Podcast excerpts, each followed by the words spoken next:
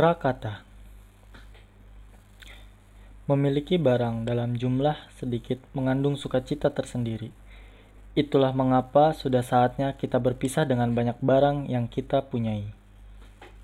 Paragraf di atas adalah versi singkat dari pesan yang ingin saya sampaikan dalam buku ini.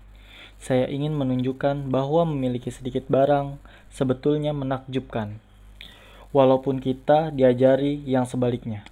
Kita mengira semakin banyak barang berarti kita semakin bahagia. Kita tidak tahu apa yang mungkin terjadi di masa depan sehingga kita mengumpulkan dan menyimpan sebanyak mungkin barang. Jika mengikuti cara pikir ini, artinya kita juga harus mempunyai banyak uang.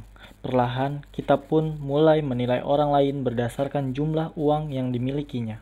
Setelah itu, kita tersadar bahwa uang bisa menyelesaikan banyak masalah. Bahkan dengan harga yang tepat, pendirian seorang pun bisa diubah. Dan jika kita mampu membeli pikiran seseorang, tentu kita juga bisa membeli kebahagiaan. Dari situ, kita masing-masing mulai meyakinkan diri bahwa kita harus menghasilkan banyak uang agar tidak tertinggal gerbong kereta kesuksesan. Supaya kita bisa mendapatkan uang, harus ada pihak lain yang mengeluarkan uang. Begitulah seterusnya. Perkenankan saya bercerita sedikit mengenai diri saya. Saya berusia 35 tahun, lajang, dan belum pernah menikah. Saya seorang pria bekerja sebagai editor di sebuah penerbit. Baru-baru ini, saya pindah dari daerah bernama Nakameguro di Tokyo, tempat yang telah saya huni selama 10 tahun, ke Fudomai, daerah yang berbeda meski masih di kota yang sama. Biaya sewa tempat tinggal sekitar 67.000 yen, kira-kira 8,5 juta rupiah per bulan. 20.000 yen, kira-kira 2,5 juta rupiah lebih murah daripada apartemen sebelumnya. Tapi proses pindah itu sendiri hampir-hampir membuat tabungan saya ludes. Sebagian orang mungkin menganggap saya payah. Sudah dewasa, masih sendiri, tak punya banyak uang pula. Saya yang dulu pastilah malu mengakui hal ini. Pada masa itu, saya dipenuhi gengsi yang sebetulnya tidak berguna. Sekarang, jujur saja, saya tak lagi ambil pusing. Sederhana saja, saya bahagia dengan keadaan saya apa adanya. Sepuluh tahun lalu, saya amat bersemangat untuk bekerja di bidang penerbitan. Saya ingin memiliki karir di bidang yang memberi saya ruang untuk memikirkan gagasan besar dan nilai-nilai budaya, tidak melulu berfokus pada uang dan hal-hal materi lain. Namun, semangat itu perlahan luntur industri penerbitan mengalami masa yang sulit. Agar perusahaan bisa bertahan, kami harus menerbitkan buku yang disukai pasar. Ini prasyarat utama yang terpenting. Tanpa buku komersial, kami tak mungkin memproduksi apa pun. Tak peduli seberapa berharganya buku kami, baik dari segi budaya maupun intelektual. Dihadapkan dengan kenyataan dunia usaha, saya pun mendewasakan diri dengan cepat. Api renjana yang menyala-nyala dalam diri saya saat pertama kali bergabung dengan perusahaan kemudian meningin. Dan akhirnya saya pun menerima cara pikir bahwa segalanya adalah tentang uang. Sampai pada suatu ketika saya menyingkirkan sebagian besar barang milik saya. Dan konsep itu pun berbalik sama sekali. Minimalisme adalah gaya hidup yang berarti kita mengurangi jumlah barang yang kita miliki sampai pada tingkat paling minimum. Hidup sebagai minimalis dengan hanya barang paling pokok yang kita perlukan tidak hanya memberi manfaat sebatas permukaan ruang yang rapi atau kemudahan membersihkan rumah, tapi juga menciptakan perubahan yang mendasar. Bagi saya, cara hidup ini memberi saya kesempatan untuk merenungi arti bahagia. Saya berpisah dengan begitu banyak barang, tak sedikit yang telah saya miliki selama bertahun-tahun, toh hari ini saya memiliki jiwa yang lebih riang. Saya yang sekarang merasa jauh lebih tenang dibandingkan yang dahulu. Kita semua ingin bahagia. Jika dipikir-pikir, kita bekerja keras, belajar, berolahraga, mengasuh anak, melakukan hobi, semuanya karena kita mencari kebahagiaan. Energi yang mendorong kita adalah keinginan untuk bahagia. Minimalisme bukanlah sebuah sesuatu yang saya jalani sejak dahulu. Sebelumnya, Saya malah membeli banyak barang karena yakin bahwa segala sesuatu yang saya miliki akan meningkatkan harga diri dan tentunya memberikan hidup yang lebih bahagia. Sebagaimana dapat dilihat dari foto-foto tempat tinggal saya yang berantakan di bagian awal buku. Saya gemar mengumpulkan banyak barang yang tidak bermanfaat dan tak mampu membuang apa pun. Saya menimbun pernak-pernik yang saya kira akan membuat saya terlihat menarik. Meskipun begitu, saya juga selalu membandingkan diri dengan orang lain yang mempunyai barang lebih banyak ataupun lebih mentereng. Dan perbandingan ini sering membuat saya kesal. Saya tidak tahu cara memperbaiki keadaan. Saya tidak bisa berkonsentrasi pada apa pun dan selalu menyia-nyiakan waktu. Saya bahkan mulai menyesal bekerja di posisi yang dulu saya dambakan. Saya menenggak minuman keras dan tidak memperlakukan lawan jenis dengan baik. Saya juga tidak mencoba merubah berubah. Saya juga tidak mencoba untuk berubah. Saya pikir diri saya memang seperti itu dan karena saya layak terpuruk. Mari saya deskripsi masih mari saya deskripsikan seperti apa apartemen apartemen saya ketika itu. Kamar tidur tidak terlalu berantakan.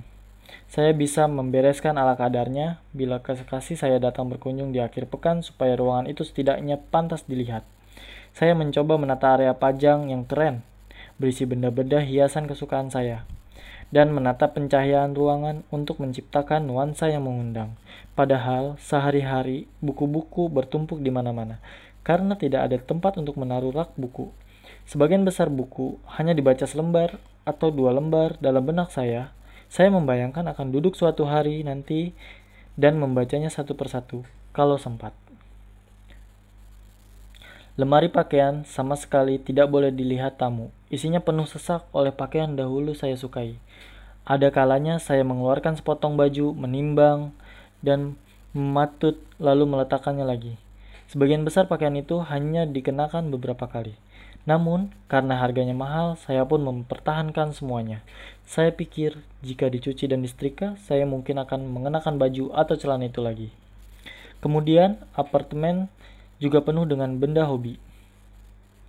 Hobi yang lantas saya tinggalkan karena bosan. Ada gitar untuk memainkan musik, ada gitar untuk pemain pemula sekaligus pengeras suaranya yang tertutup debu, ada pula buku-buku praktis belajar bahasa Inggris yang rencananya saya pelajari begitu ada waktu luang.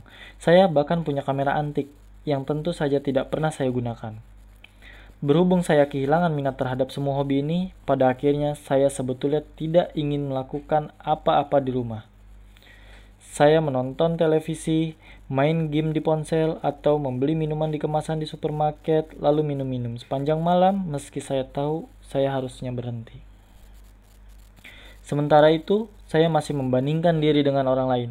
Ada teman kuliah yang tinggal di kondominium mewah, letaknya di lahan yang baru dibangun di Tokyo, pintu masuknya mengkilap, dan interiornya diisi perabot serta perlengkapan makan bergaya Skandinavia yang trendy.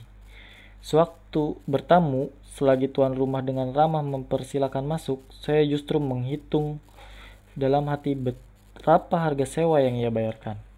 Ia bekerja di perusahaan besar, memiliki gaji yang lebih dari layak, sudah menikahi kasihnya yang luar biasa cantik, dan memiliki bayi yang lucu yang mengenakan pakaian modis. Saat itu, di kampus dahulu, kami tidak jauh berbeda. Apa yang terjadi? Kenapa hidup kami bisa menjadi begitu berbeda? Pada kesempatan lain, saya melihat mobil Ferrari putih dengan atap yang bisa dibuka tutup tengah melaju, mencari perhatian. Harga mobil itu mungkin dua kali lebih mahal dari apartemen saya. Dengan konyol, saya menatap Ferrari itu berlalu dari pandangan sambil satu kaki bertahan di atas pedal sepeda yang saya beli seharga 5000 yen atau kira-kira 640.000 rupiah dari seorang teman. Saya membeli tiket lotre dengan harapan bisa mengejar ketertinggalan dengan cepat. Saya menyudahi hubungan dengan kasih saya sambil menerangkan bahwa kami tidak mempunyai masa depan dengan keadaan keuangan saya yang menyedihkan. Di saat bersamaan, dengan hati-hati saya menyembunyikan rasa rendah diri dan bersikap seolah tidak ada masalah sama sekali dalam hidup saya. Sesungguhnya, saya merasa malang dan menyeret orang lain dalam kemalangan itu. Syukurlah, saya menyingkirkan sebagian besar barang. Saya mulai merasa seperti pribadi baru. Mungkin saya terdengar berlebihan. Ada yang pernah berkata, "Kau hanya membuang barang," dan ia benar. Belum ada pencapaian luar biasa dan tidak ada sesuatu yang benar-benar saya banggakan. Setidaknya pada titik ini, tapi satu hal yang saya yakini dengan lebih sedikit barang, saya merasa semakin bahagia dari hari ke hari. Perlahan, saya mulai bisa memahami arti kebahagiaan. Jika ada yang punya kemiripan dengan diri saya dahulu, merasa menderita, selalu membandingkan diri dengan orang lain, atau percaya hidupnya sengsara, saya rasa ia juga perlu mencoba berpisah dari segala kepemilikannya. Betul, ada orang-orang yang seumur hidupnya tidak pernah terikat pada benda atau para genius yang justru berkembang di tengah riuhnya barang-barang milik mereka. Tapi, yang saya bicarakan adalah bagaimana orang kebanyakan seperti saya dan mungkin Anda bisa menemukan kesenangan yang hakiki dalam hidup. Semua orang ingin bahagia, tapi Mencoba membeli kebahagiaan hanya membuat kita senang untuk sementara waktu, kemudian tersesat saat hendak menemukan kebahagiaan sejati. Setelah semua hal yang saya alami, saya merasa berpisah dari barang, punya makna lebih dari sekadar merapikan tempat tinggal. Ini adalah upaya memikirkan kebahagiaan yang sesungguhnya. Mungkin terasa terlalu mengawang-awang, namun saya betul-betul percaya akan hal itu. 보미오 사사기